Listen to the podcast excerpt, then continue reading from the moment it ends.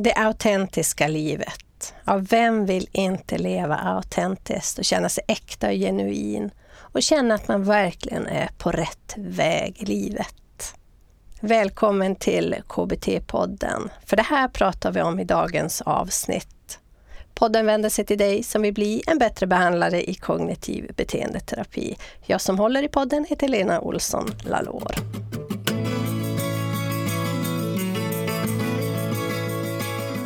Ja, välkommen till KBT-podden. Avsnitt 260 har vi kommit fram till. Idag när jag spelar in podden är det 17 maj och vi vet ju alla att det är Norges nationaldag så vi hälsar lite extra till våra norska lyssnare. Jag som håller i podden heter Lena Olsson Dalor och är legitimerad psykoterapeut och handledare och lärare i KBT-psykoterapi. Och idag har jag med mig Irena Markover som är docent i psykologi, specialist i klinisk psykologi, psykolog och psykoterapeut och handledare i kognitiv beteendeterapi. Och förstås också författare till boken Autenticitet som vi pratar om idag. Hon har tidigare också skrivit Självkänsla och perfektionism och det finns avsnitt om det också. Det lägger jag i poddbloggens spellista. bliambatrabehandlare.se 260 där har jag också lagt andra avsnitt som jag tror kan vara av nytta. Som sagt, vi fortsätter ekvationen om autenticitet. Och vi har pratat om självkännedom, vi har pratat om självbestämmande och tredje avsnittet idag handlar ju då om autentiskt liv.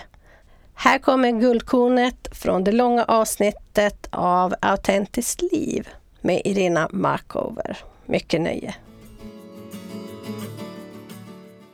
Det, det är väldigt intressant att man har kommit fram att människor känner sig som mest autentiska eh, med sina nära vänner och som minst autentiska med sina lärare. Och det har man gjort en stor metastudie i flera länder, bland annat i Ryssland och USA och alla möjliga länder. Och överallt fick man ungefär samma resultat. Det som är intressant för oss som kliniker är att vänskap har uppgraderats, sannolikt i västvärlden i alla fall, i vår kultur, till den viktigaste relationen människor har.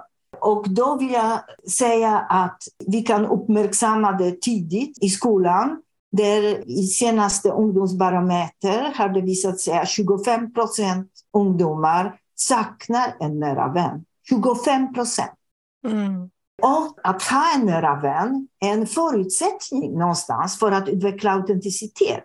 För hur ska vi kunna förstå vilka vi är om vi inte relaterar till en annan personlighet som eh, ger oss feedback och utbyter tankar med oss och känslor. Så vi genom att umgås på djupet med en annan människa och ärligt kan få grepp om oss själva. Mm. Så 25 procent av ungdomar, det är de jag skulle också vilja komma fram till i kanske mellanstadiet redan och ge dem lite verktyg i att hur blir man vän? För de ungdomarna ofta kanske kan ha lite mer ångest än andra och därför är lite extra försiktiga och kanske lite extra lätt att um, utgå från att de måste behaga an andra, please others och bygger upp den här falska personligheten som ska hjälpa dem att överleva, men som är otroligt farlig för alla, men i puberteten blir extra farlig. Mm. Då, då blir det tomt bakom den. Vem är mm. jag? Tycker jag? Vad vill jag? Så där skulle man vilja komma in och, och visa dem vad är en, en riktig vänskap? Hur funkar det?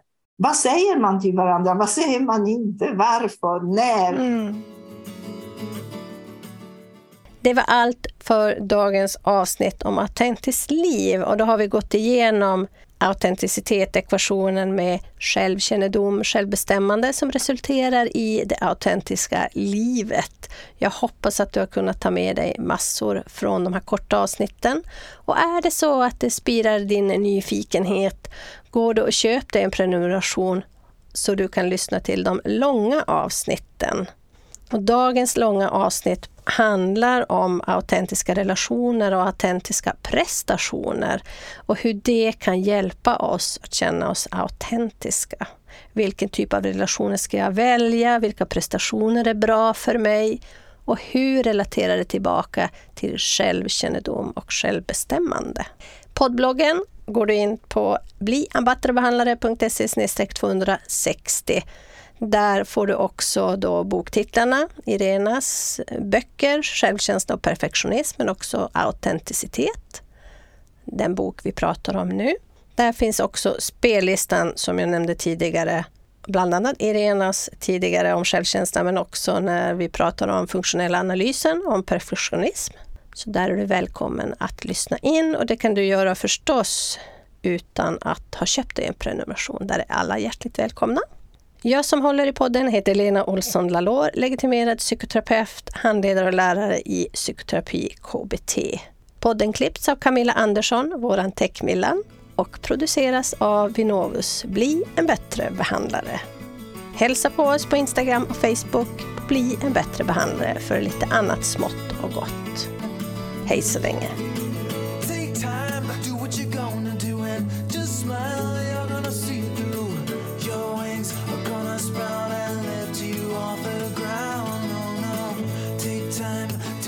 Gonna do? Just smile, you're gonna see it through. Your wings are gonna sprout and you will learn to fly.